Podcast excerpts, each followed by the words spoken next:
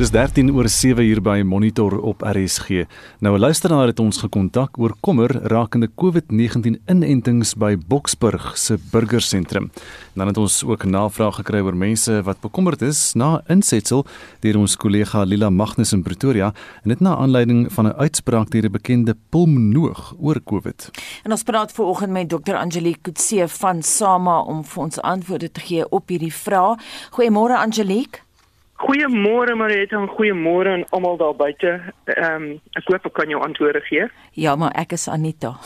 Anita, skus, waar is my kop? Dit by jou kop. Dis 'n bietjie vroeg, maar hier gaan ons. Ek wil hê Angelique moet net luister na die volgende klankgreep asseblief. My brother and I went to the Boksburg Civic Centre on Thursday to get vaccinated.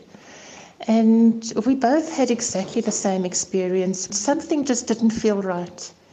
The lady giving the injection suddenly appeared behind me with a needle in her hand, already unpacked from whatever packaging it's in.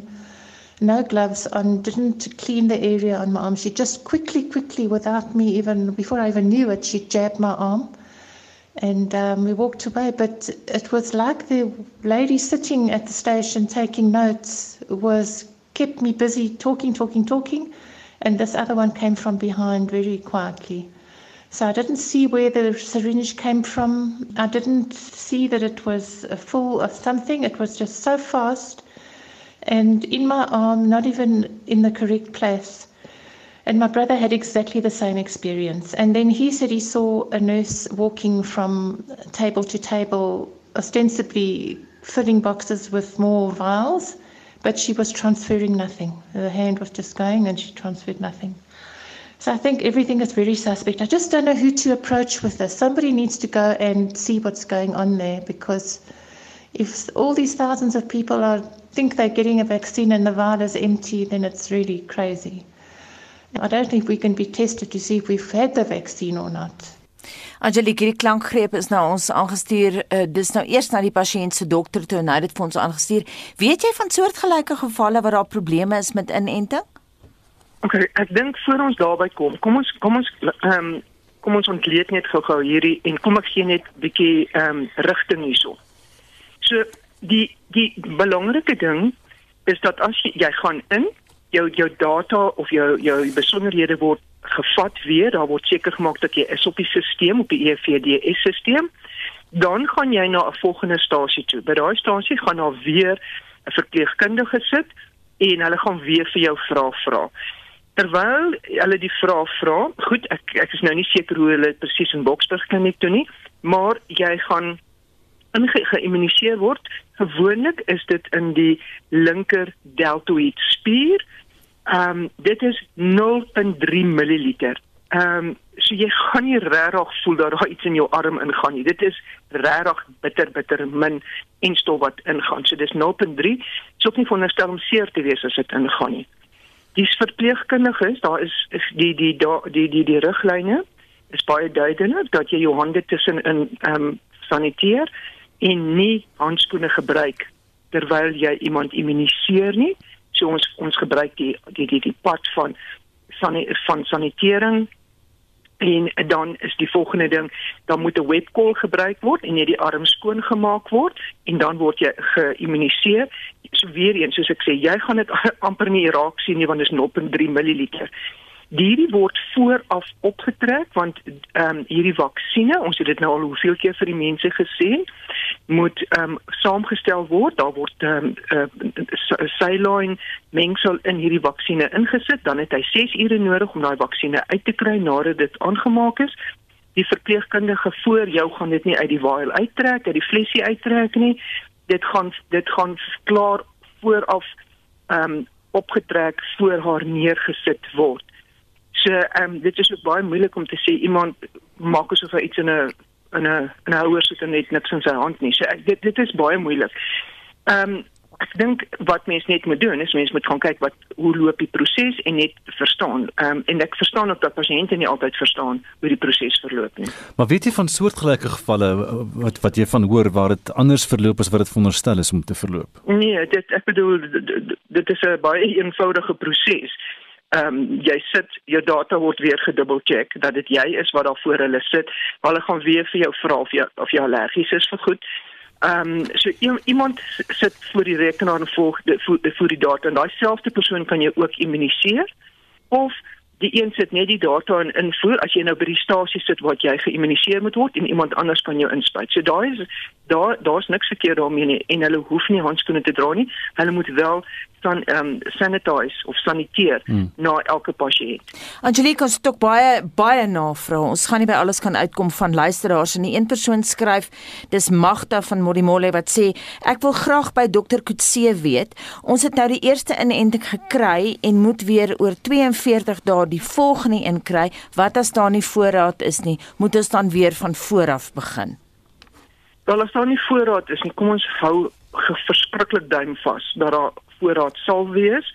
Ehm um, as uh as kom ek sê daar is nie voorraad nie, dan gaan hulle want in Kanada vat hulle tot 3 maande voor hulle die tweede inspuiting gee. Die probleem net is dat jy kan nog steeds COVID-19 kry. Weereens ehm um, jy gaan hom nie in erg erge vorm kry nie. Ek het byvoorbeeld gister 'n pasiënt gekry wat 2 weke terug haar Pfizer in inenting gekry het en gister het ek het, het ons die diagnose bevestig dat sy wel COVID-19 positief is. Dis hoekom ons vir hierdie mense ook bly sê, dra asseblief jou maskers. Die die inspuiting gaan net vir jou beskerm dat jy nie ernstige siekte kry nie. Ons is glad nie besig om nou tans mense um herd immunity of kudde immuniteit op te wek nie. Tans is ons net ons wil net die ouens uit die hospitale uithou. Dis wat ons tans mee besig is. So asseblief 42 dae is die antwoord op nou maar kom ons kyk wat gebeur met ons immuniserings. So net om te bevestig dat daardie inspuiting gaan jou uit die intensiewe sorg sal hou en jy gaan nie ja. doodgaan nie basies. Dis dis presies wat ons waar, waarvoor ons hoop op hierdie stadium. En sover soos hierdie pasiënt wat ek gister gesien het is 'n diabetiese pasiënt, is wel goed gekontroleer en sy het ook hoë bloeddruk. En ehm um, ek het net ehm um, sy het nog vir my gesê ek uh, weet ek moenie vir haar asseblief die toets doen nie. En ek het net gesê weet jy wat? Ehm um, jy's 'n risikopasiënt jou jou spuit gaan jou nog nie beskerm dat jy nie gaan COVID-19 kry nie, gaan doen vir my die toets vanoggend die resultate gekry dis positief. Net vinnig ons ons luisteraar in Boksburg het nou daar gepraat en 'n interessante vraag gehad. Sal ons getoets kan word om te sien of ons wel die COVID-inenting ontvang het? Met ander woorde, is daar so 'n toets wat dit kan wat dit kan bepaal? Da, en is daar da, word daar rekord gehou? Gaan ons 'n paspoort kry? Daar kyk, daar word rekord gehou sodra jy jou ehm um, tweede Johnson en uh, uh, Pfizer inspuiting gekry het, dan gaan jy jou paspoort kry. So da, dis hoekom daai 'n datasisteem so belangrik is en dat die vrou voordat sy jou inent weer 'n klomp vra vra en seker maak jou inligting is korrek. As jou inligting nie korrek is nie, dan gaan jy nie jou goed jou jou jou paspoort kry nie. So dis dit is dit is belangrik dat jy saamwerk daar en seker maak hulle spel jou van korrek. Hmm. Jou posbus is korrek ingesit. Mhm. Mm Angelique, dan het ons nog vra. Ek gaan twee vinnig na jou toe gooi. Die een is: My man het een funksionele nier met verhoogde nierfunksie kan hy die inenting kry? Hy's 83. Ja, asseblief, hy moet die inenting kry want hy is die laaste ou wat jy ook wil hê COVID-19 moet kry op grond net van sy ouderdom en sy nierfunksie. Ehm um, sal hy 'n baie baie hoë risiko pasiënt wees en hy behoort in die hospitaal te beland as hy COVID-19 kry. So asseblief, hy moet ingeënt word. En dan Angelique nog 'n vraag, kan ek die inspuiting teen gordelroos kry nadat ek die COVID-19 inspuiting ontvang het of is dit gevaarlik? Jy kan enige inspuiting kry wat ander immuniserings aanbetref. Maar moet jy net 2 weke tussen die tyd tussen hierdie goed gee. Jy weet, uh, mense vra ons baie, hulle vra ons ook van die um, ehm, pneumokokkes vaksinne Ehm um, hulle vra vir ons ook oor die griepvaksines. Hmm. Jy kan al hierdie vaksines kry. Daar's geen kontra-indikasie dat jy dit nie kan kry nie. Spasieer net jou tyd. So jou boodskap is definitief soos Dr. Tutte van Vieren ook gesê het dat ons moet uh, dat mense moet hulle self laat inent. Ja, verseker. Weet jy, as ek nou kyk na hierdie vrou wat ek nou gister gesien het, alhoewel haar antiliggame gaan eers op 30 dae regtig inskop, maar ek kan jou beloof as sy dit nie gekry het nie, sou sy gister baie siek gewees het by my. Ander, ek wil ja. weer eens net ja. asseblief dit sê. Dit is verskriklik moeilik tans om tussen verkoue griep en matige COVID-19 te onderskei. Hmm. As jy enigsins dink jy het een jy het net 'n verkoue of 'n grieperigheid en jy voel nie lekker nie, sien asseblief jou dokter doen of 'n antigeen toets of doen die PCR toets. Maar doen net iets, moenie net nie by die huis dink sit en dink hierdie is gewone verkoue nie. Ja. Dit is nie so maklik nie. Veral nou in die winter met almal wat so die sniffels het en so aan. 'n Ander saak om vanoggend aan te roer is die reaksie wat ons gekry het op ons kollega in Pretoria, Lila Magnus, 'n storie wat gister uitgesaai is. Kom ons luister net vinnig na 'n klankgreep daarvan. Die COVID-19 sterfte statistieke moet egter glo beter bestudeer word. Dr. Rubeshan Perumal, spesialis dokter en pulmonoloog, sê navorsing wys dat mense wat ernstige COVID-19 gehad het, eers maande na hulle uit die hospitaal ontslaan is, sterf. we see an excess number of deaths in COVID 19 survivors at six months from their discharge. There are about 38 excess deaths per thousand COVID 19 survivors at six months. And so it is not merely a case of lingering symptoms and new medical diagnoses, but really an excess mortality that we still have to understand better. Nou Angelique van ons luisteraars wil weet hoe werk dit dan dat jy 6 maande na die tyd kan sterf aan COVID? Kyk, so kom ek verduidelik gou-gou nê. Ehm um, hierdie is pasiënte wat geventileer was, wat opgeneem was met ernstige COVID. Hulle was geventileer en hulle het die ventilasie oorleef. Hulle kry ongelukkig longskade. Ons noem dit fibrose. En daai fibrose, daai pasiënte kry bitter bitter swaar. Hulle kom net nooit hier oor nie en so dit word dan oorgegooi as die wat ons noem die lang COVID. Ehm um, hulle dan die sneeuweffekte en ja, daai longe herstel net nie. Ek bedoel jy kan nie daai jy moet of 'n longoortplanting gaan doen. Hierdie longe herstel net dood eenvoudig nie en ja, hulle gaan dood. Van hy is heeltemal reg. Ehm um, vir alles hulle dan 'n griep of 'n verkoue nou bo op hierdie hierdie of 'n longinfeksie kry bo op hierdie ehm um, uh, uh, long longe wat nou al reeds vol littekens is. Dit is ook 'n rede hoekom jy asseblief net moet in en ons wil nie hê jy moet die ernstige siekte kry nie. Jy moet so ver as moontlik uit die hospitaal uit bly want die gevolge na die tyd Hmm. is regtig nie 'n uh, aangename gevolge nie. En is 'n deel van wat 'n mens noem lang COVID. Dis lang COVID. Ja. Hmm. Stem jy saam dat hierdie sterftesyfer beter ondersoek moet word? Wel, ek dink voor ons die sterfte syfer beter moet ondersoek, moet ons net eers die sterfte syfers raad Ja. kry. So ek is baie bevrees as jy nou gaan kyk na wat ehm um, die versekeringsmaatskappye sê. Ek dink hulle het 'n 60% toename gehad aan eise van mense wat oorlede is, ehm um, of uitbetalings nie eise nie van die families. Ehm um, so ons weet dat ons word ondergerapporteer. So kom ons kry net daai goedjies ook reg, maar die mense wat in die hospitale lank op 'n ventilator was, dit oorleef het, is risikopasiënte as hulle longsiektes kry. Dis 'n bekende ding. Dit is nie 'n onbekende ding nie. Ons is bewus daarvan. Angelique, ons het nou gehoor wat jy sê oor die man met een funksionele nier. Hy moet definitief die inenting kry, ja. sê jy. Maar ons het verskriklik baie vrae. Hier's nog een. Wat van fase 4 kankerpasiënte en asmaleiers? Kan hulle die enstof kry? Um, as jy net 'n asmaleier is en jy is gekontroleer en jy het nie nou tans siek nie, dan gaan vat jy jou jou immunisering want onthou weer eens, jy wil nie in die hospitaal met ernstige COVID beland vir alles jy nie goeie longe het nie, want jy mag deel van daai statistiek word wat ons nou net oor gepraat het. Die ander um, ding is met die kankerpasiënte. As jy in remissie is en jou waardes lyk goed, kan jy gaan im- immuniseer en as jy nie seker is nie, vra jou onkoloog. Maar dis nie 'n kontra-indikasie dat jy nie moet gaan immuniseer nie, want onthou jou witseltelling is gewoonlik af en laag, so jy's ook dan 'n risikopasiënt om makliker infeksies te kry. En hoe gemaak as iemand byvoorbeeld bedlêend is en nie kan uitgaan vir enstof nie, is die volgende vraag. Ook byvoorbeeld gestremdes. Daai is 'n baie moeilike vraag. Ek het dit ook ehm um, aangebring op die ehm um, advieskomitee en gesê hierdie is 'n groot probleem en tans het hulle gesê hulle is bewus daarvan dat dit 'n probleem is die staat, maar ehm um, as die pasiënt nie in 'n ouer huis is nie, kan hulle nog nie uitgaan so nie. Ehm um, dit is regtig ook 'n baie groot probleem en ek is heeltemal bewus daarvan en ek dink dit is waar die regering moet uitry na die huis toe en daai mense gaan immuniseer en seker maak dat hulle alright is. Ook ehm um, gelukkig op hierdie stadium is as hulle jy weet bedlend is, ehm um, gaan hulle daarom nie rondloop nie, maar mense kan na hulle toe kom en die virus na hulle toe bring. En 'n vraag wat daarbey aansluit van 'n luisteraar van ons vanmôre wat nou hier skryf: "Hoekom moet ou mense die tweede dosis kry want dit is dan so ver om by die endplek te kom van hulle huis af?" wel die afstand is nou nie 'n kontra-indikasie dat jy hom nie moet kry nie. So ongelukkig is dit hoe die vaksinne werk. Ehm um, jy moet jou tweede dosis kry. Uh jy weet die probleem net is onthou 24% van alle vaksines wat tans in die land is word vir die private sektor. Dit is nie mense wat op mediese fondse is gegee. Die res is in die staat. So daar is nie baie enstowwe beskikbaar sodat elke diskem en elke kliks dit kan kry nie.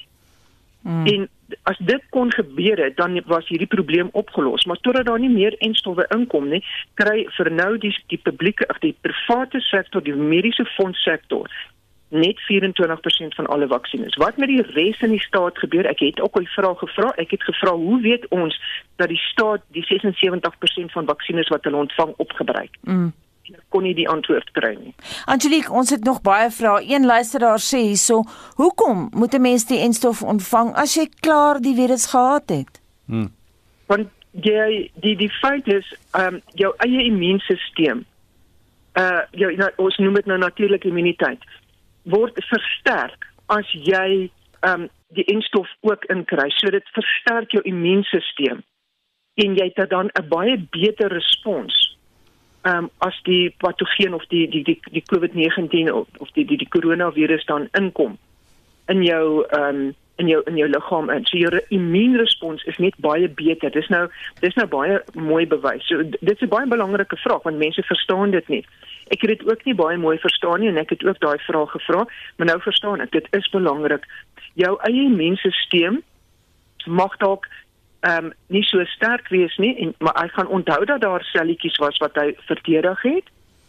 Maar jy gaan net soveel meer ehm um, antiliggame produseer, sterker respons hê om om hierdie ehm um, as jy met COVID-19 in aanraking kom, as jy dan met hom ehm um, uh uh uh as jy geïmmuniseer is. Die ander ding wat belangrik is om te onthou, daar's verskillende variante.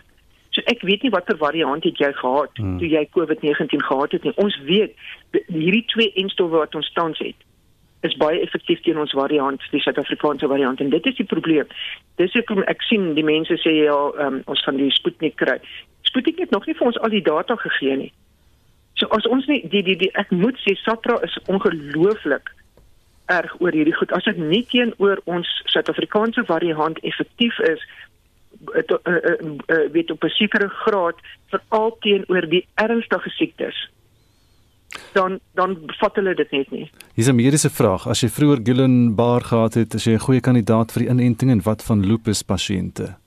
Al al twee daai kandidate is goeie kandidate vir immunisering. Nog 'n vraag, is 'n vrou wat aan asma ly, sy het na die tyd asemhalingsprobleme ervaar en haar bloeddruk bly hoog. Dis nou na die eerste inenting. Sy is nou bang om weer te gaan. Moet sy gaan? Natuurlik moet sy gaan. Sy was veronderstel om dit aan te meld en sy was veronderstel om dan na haar dokter toe te gaan of na die kliniek. Ek is nou nie seker of dit 'n private pasiënt of 'n staatspasiënt is nie um, en dan dit te gaan uitsorteer het en dan net laat iemand vra gekyk het. Onthou jy kan sê dat ek het 'n ek het 'n benoudheid ervaar, maar dit kan net sowel 'n angsaanval ook gewees het wat vir jou net so presies dieselfde voel. So jy het eintlik 'n dokter nodig om vir jou daar te sê dit ehm um, jy's fine, hierdie is ehm um, nie 'n regte bronkospasme wat jy gekry het nie of dit hang ook af wat die bloeddruk is, maar ehm um, sou is wonderstel om dit aan te meld en dat dit ondersoek word. Angelique baie dankie, dis 'n baie interessante gesprek en ons gaan definitief nog meer en verder daaroor gesels. Dr. Angelique Kutse is hoof van die Suid-Afrikaanse Mediese Vereniging, oftewel SAMA. Intussen word Marlenae oorvul met navrae. Inderdaad, en uh, ons het daai navraag gerig aan die kenners. Ons hoop jy het daarmee 'n bietjie meer ehm um, gerus. Uh, jou siel voel 'n bietjie meer rustig wat dit betref. Ehm um, en vanoggend bring ons ook hulde aan Shalene City Richards. Hier is van ons luisteraars op WhatsApp se menings en hoe hulle haar onthou. Elsa Du Plessis van Kempton Park. Ja, Shalene City Richards sal ek onthou as Villa. Ek het die voorreg gehad om die rolprent meer as een keer te sien en ek het haar saam met Johnny Klein ook gesien by ons plaaslike kasino op die verhoog. En ek wil maar net sê Charlene, jy het vir ons vir baie jare baie vreugde gebring. Nou mag jy in groot vrede rus. Totsiens Charlene. Goeiemôre RSG. Vandag wil ek hulde bring aan Charlene Shirty Richards, 'n legende legendariese aktrise. Uh, mama Charlene, uh, ons sal jou nooit vergeet nie. En dankie vir jou liefde en omgee. Dankie vir die lekker grappies wat jy altyd vertel het. Ek kan onthou ek het jou ont, vir haar ontmoet daar in uh, September 1 jaar in September daar in Eldorado Park in Johannesburg. Uh, Auntie B, uh, Bianca Grange maat altyd 'n feesdag gereël elke jaar en daar het ek hierdie fenominale mens ontmoet. Haar mens wees spreek boekdele, haar liefde vir almal en sy het die weg oopgebaan vir baie van ons kunstenaars. Vlieg hoog koningskind, ons sal jou nooit vergeet nie. Shirley Valentine, Phila se kind en Nena van die Goli, Gregory Noble van Pakkelsdorp. Ek sal altyd onthou van Charlene dat sy het gesê oor die koms van die Engelse villa dat sy nie weet hoe sê mens op Engels die magistraat se muur nie. Dit is Anine van die strand. En dan op die SMS lyn laat weet Christina Koen, sy was pragtig, sy het elke rol so goed gespeel. Sterkte aan haar en haar familie. Nou jy het nog kans um, tot so voor 8 om vir ons terugvoer te gee in die verband. SMS'e na 4589, dit gaan jou R150 kos. Daar's pragtige hulde wat nog gebring word op ons Facebookblad. Jy kan ook van sy WhatsApp stemnota stuur 076 536 6961 076 536 6961. En Marlene bly by ons vir die oomblik vir die internasionale nuusfront wat sy vir ons dophou ook intussen. Die Amerikaanse adjunkpresident Kamala Harris het voornemende migrante uit Guatemala aangemoedig om nie te probeer om Amerika onwettig te bereik nie. Sy waarsku dat dit eenvoudig te gevaarlik is weens mensenhandel. Ja, sy het die beroep gedoen op haar eerste amptelike buitelandse besoek. Do not come. Do not come. The United States will continue to enforce our laws and secure our border. There are legal methods by which migration can and should occur. And I believe if you come to our border, you will be turned back. So let's discourage our friends, our neighbors, our family members from embarking on what is otherwise an extremely dangerous journey where in large part the only people who benefit are coyotes. En die meer verwyse natuurlik na mensenhandelsindikate. Nou Harris is deur president Joe Biden daarmee getaak om die migrante-krisis aan die suide van die land onder beheer te bring. Haar span sê die besoek aan Guatemala is om inligting in te win oor die oorsake van die uitdagings wat bydra tot die ernstige probleme op die grens. Dit sluit in korrupsie, gebrekkige ekonomiese geleenthede en natuurlik mensenhandel. Nou ons bly in Amerika vir die oomblik waar 'n groot gedeelte van die losprys wat aan kuberkrakers oorbetaal is deur die oliemaatskappy Colonial Pipeline toe nou weer teruggekry is. En dit word beskou as 'n groot oomblik vir die VSA se stryd teen kuberkrakers wat lospryse eis. Die Russiese groep Darkside word verdink van die voorval, maar die bestuurshoof van die kuberveiligheidsmaatskappy James Foster sê dit is egter nog maar net die begin. There's already been over 900 ransomware attacks that we've seen already this year and Darkside is a meaningful player in this space. they're in the top five, but, but they're not in the top three. And so the volume is increasing. And there's lots of groups out there like this that are taking advantage of the situation. We've seen chatter now to where there's really two schools of thought. One is this is going to deter certain types of targets.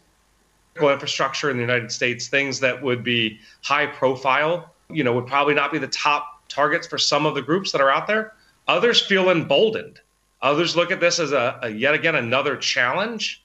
En dit was James Foster, die kuberveiligheidsmaatskappy Zero Fox se bestuurshoof. En dis nou die Australiese polisie en die FBI bekend gemaak dat honderde misdadigers wêreldwyd in hegtenis geneem is. Dit dank aan die toepassing in NAM. Nou die afgelope 3 jaar is daar veral op dië manier toegeslaan op georganiseerde misdaad. Dis nou in Australië, Asië, Suid-Amerika en die Midde-Ooste. Nou wat COVID-19 aanbetref word strenger inperkingsregulasies opnuut ingestel in Brittanje. Toeriste wat besoek af lê aan Portugal moet nou tuis afsonder wanneer hulle die land binnekom. En dit geld vir so 10 dae. Hulle moet ook tuis toetse laat doen om seker te maak hulle is nie verspreiders van die virus nie. Intussen sê die VN Liggaam vir Kinders UNICEF dat miljoene enstofdosisse verlore kan gaan indien ryker lande alle oortollige voorraad op een slag aan ontwikkelende lande skep. Hulle sê die organisasie um, kan 'n gereelde toevloei van enstof gee en bied omdat armer lande nie die vermoë het om alles op een slag te versprei nie. So moenie vir ons te veel gee op een slag nie, want dit kan nie versprei word nie.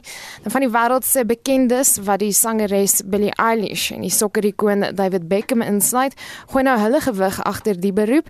Hulle het 'n brief aan die G7 lidlande geskryf waarin hulle vra dat die lande teen die einde van Augustus minstens 20% van hulle enstowwe aan armer lande skenk. En nou sluit ons wêreldnuus af op 'n ligter noot. Wetenskaplikes in Australië het bevestig dat 'n dinosourus spesies wat in 2007 ontdek is, 'n nuwe spesies is. En is die grootste een wat tot nou toe in die land ontdek is en is een van die 15 grootste diere wat die aardoppervlak bewoon het.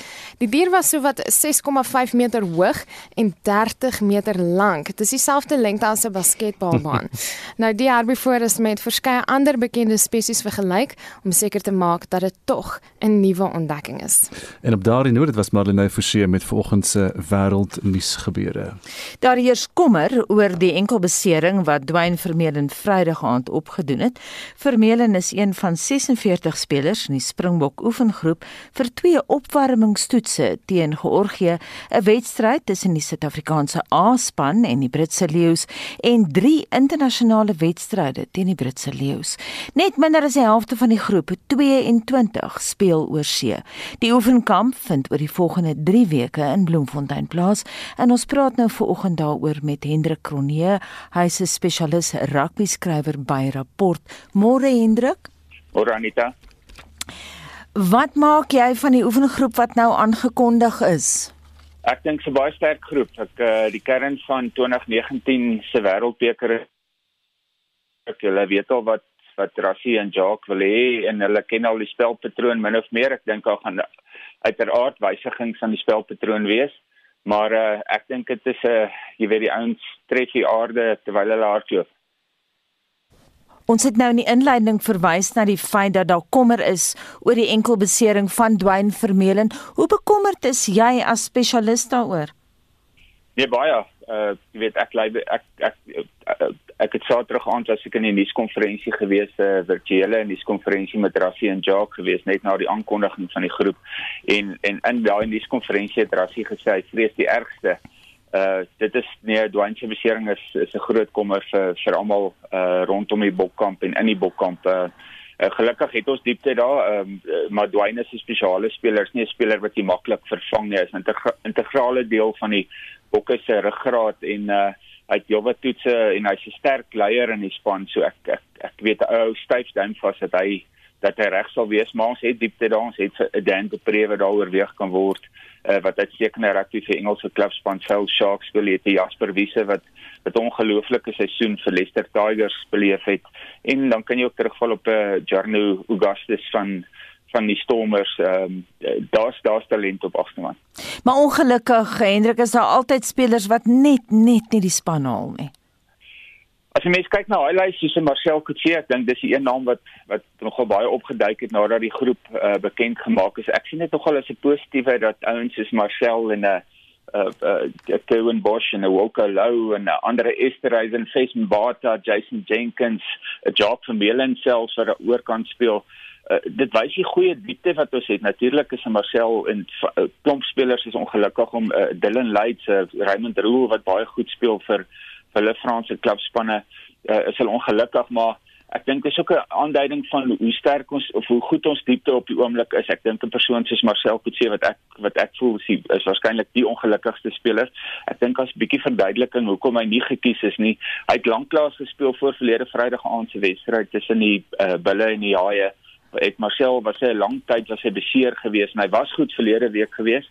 Uh, maar jy weet dalkste goeie ding het hy net so 'n bietjie bykomende speeltyd vir die bulle kry. En ek glo as Dwayne as Dwayne gaan onttrek ons wag nog om te kyk die volgende paar dae uh jy weet wat presies met Dwayne wat die wat sy posisie is, die erns om die, om die erns van sy besering te bepaal. Ek dink iemand soos Marcel Coetzee sal dan sal dan terug sal hom dan in die bokkamp bevind. En druk gaan daar genoeg voorbereidingstyd wees want die top Suid-Afrikaanse span speel nog op 19 Junie in die Pro 14 en oorsee se spelers het nog klapverpligtinge. Absoluut, dis 'n ek dink dis 'n groot uitdaging uh, wat Rassie en Jacques het uh, ter aanloop van die Brits en Ierse leeu's. Dis dis een van hulle sterkpunte in 2019. Of beplanning is een van Rassie en Jacques se sterkpunte en ek skryf baie van die bokke sukses in 2019 se wêreldbeker aan hulle beplanning toe.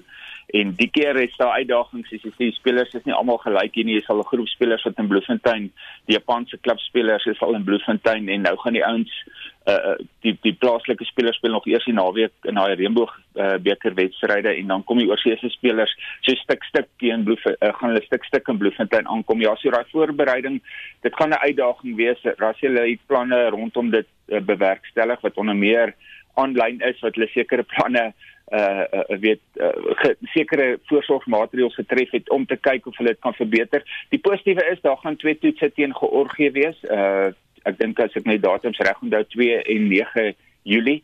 Uh en een en een van daai twee toetse gaan die Springbokke hulle sterkste span kies ter voorbereiding van die Brits en Ierse leeu's en die in die bokke gaan in Bloemfontein ook sodra hulle 'n vol span in die hande het, gaan daar uh, uh gaan hulle oefen wedstryde losmakers teen die Cheetahs speel, maar dit gaan 'n uitdaging wees. Ek dink die ander positiewe net om nou te kyk, die Bokke het wel laas in 2019 gespeel, maar ons moet onthou die Brits en Ierse leeu's het in uh 2017 laas gespeel. Hulle het hulle vanjaar in die 6 nasies gespeel en hulle toets blootstelling gekry het. Het Rassie tog uh, 22 oorseese spelers gekies vir die Bokke en hulle het nog weer in die topligas daai aan die oorkant gespeel en hulle in daai topligas het hulle teen die meerderheid van die spelers wat hier Brits en Ierse leeu's leeu's speel teen hulle gespeel en hulle self bewys. Hoe wedstrydskerp gaan die bokke wees met die dat die span laas in 2019 gespeel het? Ek dink uh, ek dink ons het hom min of meer in die vorige uh, vraag beantwoord. Ek dink ons gaan dit is 'n uitdaging in in as as uiteraard is dit sal ons eers kan sien met die eerste toets, maar ek voel die planne gaan reg wees en uh, jy weet uh, die groot uitdaging vir vir vir die Brits en Ierse leeu's is dit uh, Warren Gatland het 'n nuwe verdedigingsafrigter uit vir Andy Farrell gehad in 2017 teen die All Blacks. Hy het nou vir Steve Tandy van Skotland.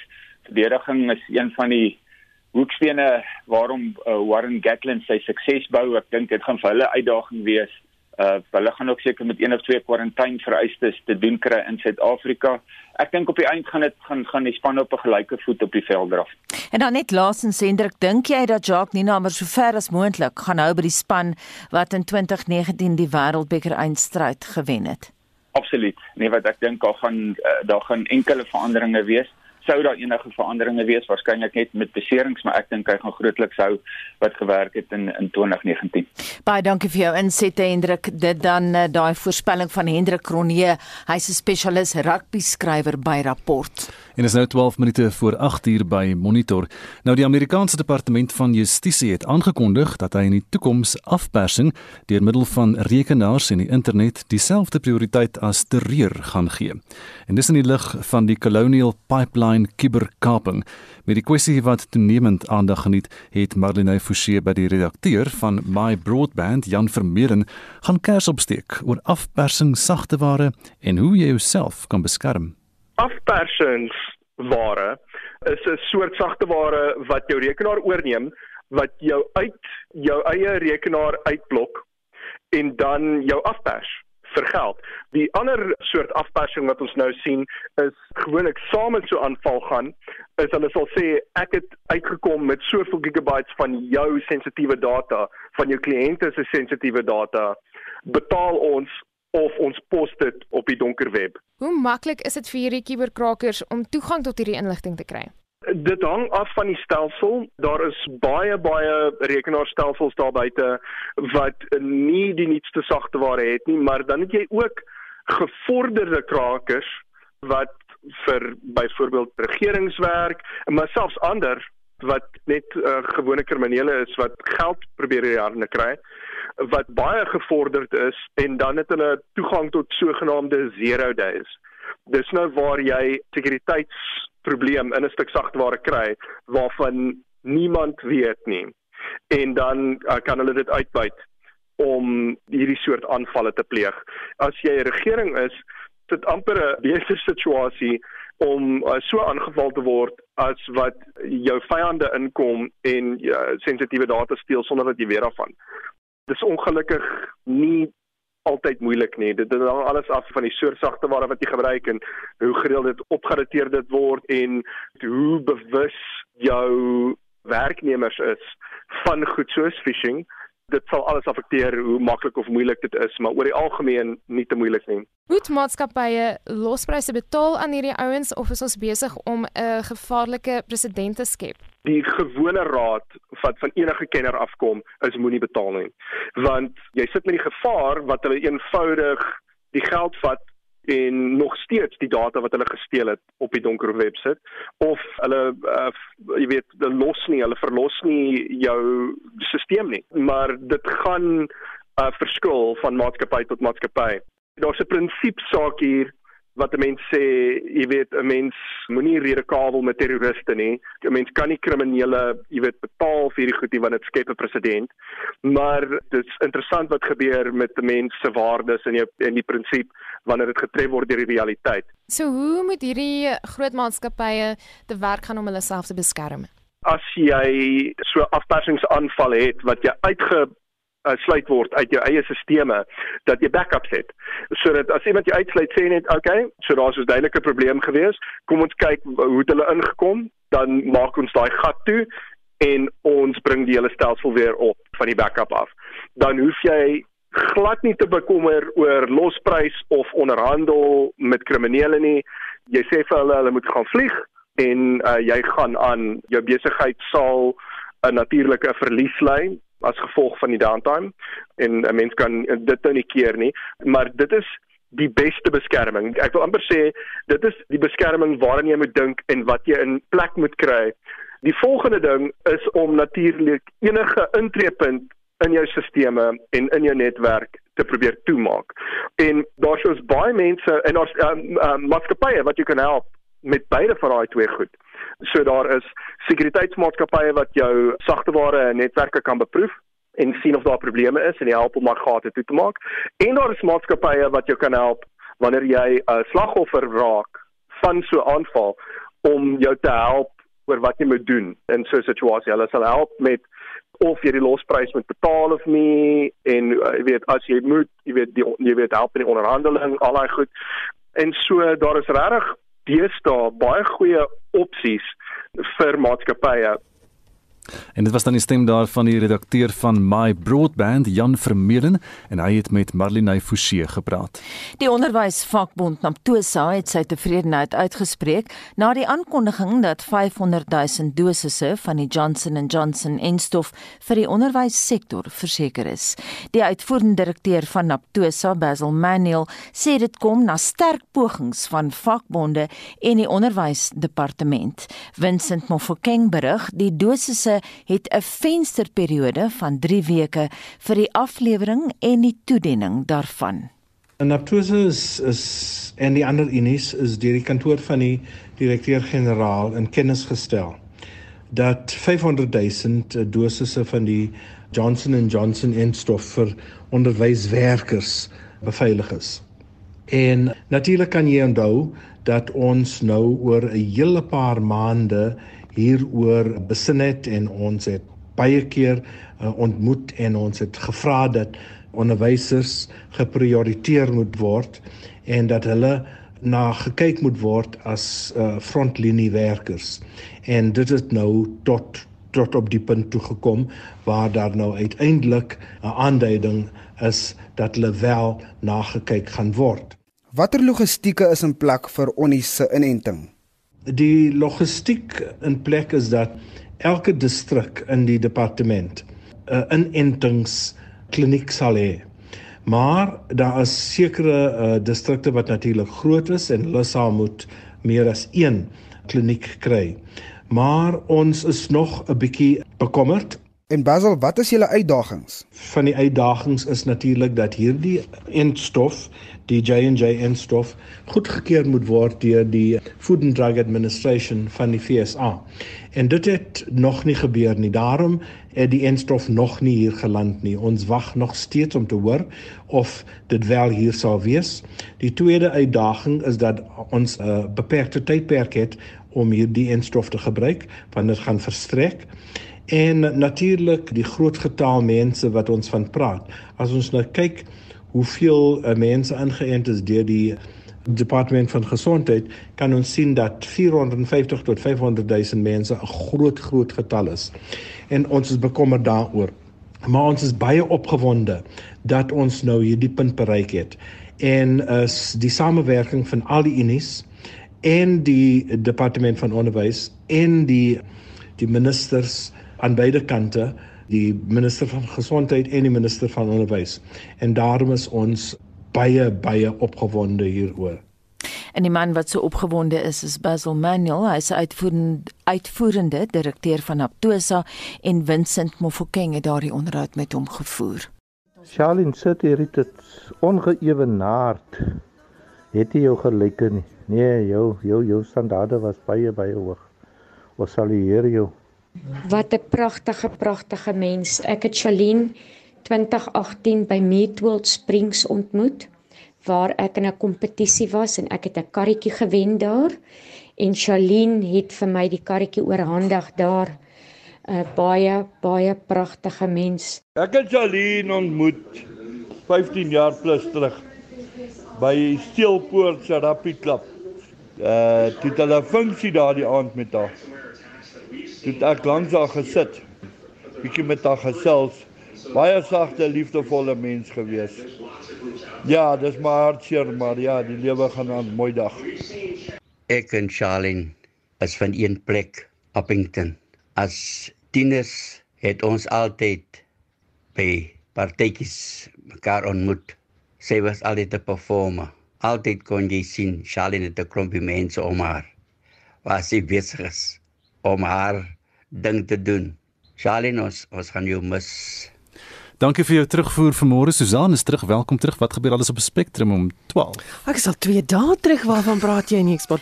Ja, die was mos gister af hier. Dan luister hy nie na monitor nie. Mm. Of na kommentaar. Maar dankie dat jy ingestaan het Vrydag op Spectrum uh, en uh, gepraat van die program. Ons kyk na wat uh, die verkiesings of eerder na die verkiesingskommissie wat die publiek nooi om kommentaar te lewer oor of die plaaslike verkiesings moet plaasvind al dan nie. Die mededingingskommissie se besluit om die verkoop van Burger King aan 'n Amerikaanse maatskappy te keer en vandag is wêreldoseane dag. Ons kyk na wat alles die oseane bedreig. Ja, dit pas so in Susan se kraal. Onthou dat vorige uitsendings van Monitor Spectrum Naweek Aktueel Kommentaar en Fin Fokus is op RC se webblad as 'n potgooi beskikbaar. Jy moet gaan na www.rc.co.za. Daar is by vir baie mense probleme deesdae en ons webmeester sê wat jy moet doen is tik in iono .fm voor daai adres. Hulle is besig om te werk aan die webwerf, maar kom hopelik later uh, reg weer met sy pot gooi, so iono.fm soos Anita sê of uh, op enige plek soos Apple Podcasts kan jy ook na ons gaan luister. Ons is aan die einde van die program vandag ons redakteur en waarnemende uitvoerende regisseur is Wessel Pretorius en ons produksieregisseur vandag Daitrin Godfrey. Monitor is môreoggend om 6:00 terug. Ek is Gustaf Greiling. En my naam is Anita Visser en nou is dit tyd vir die 8uur nuus.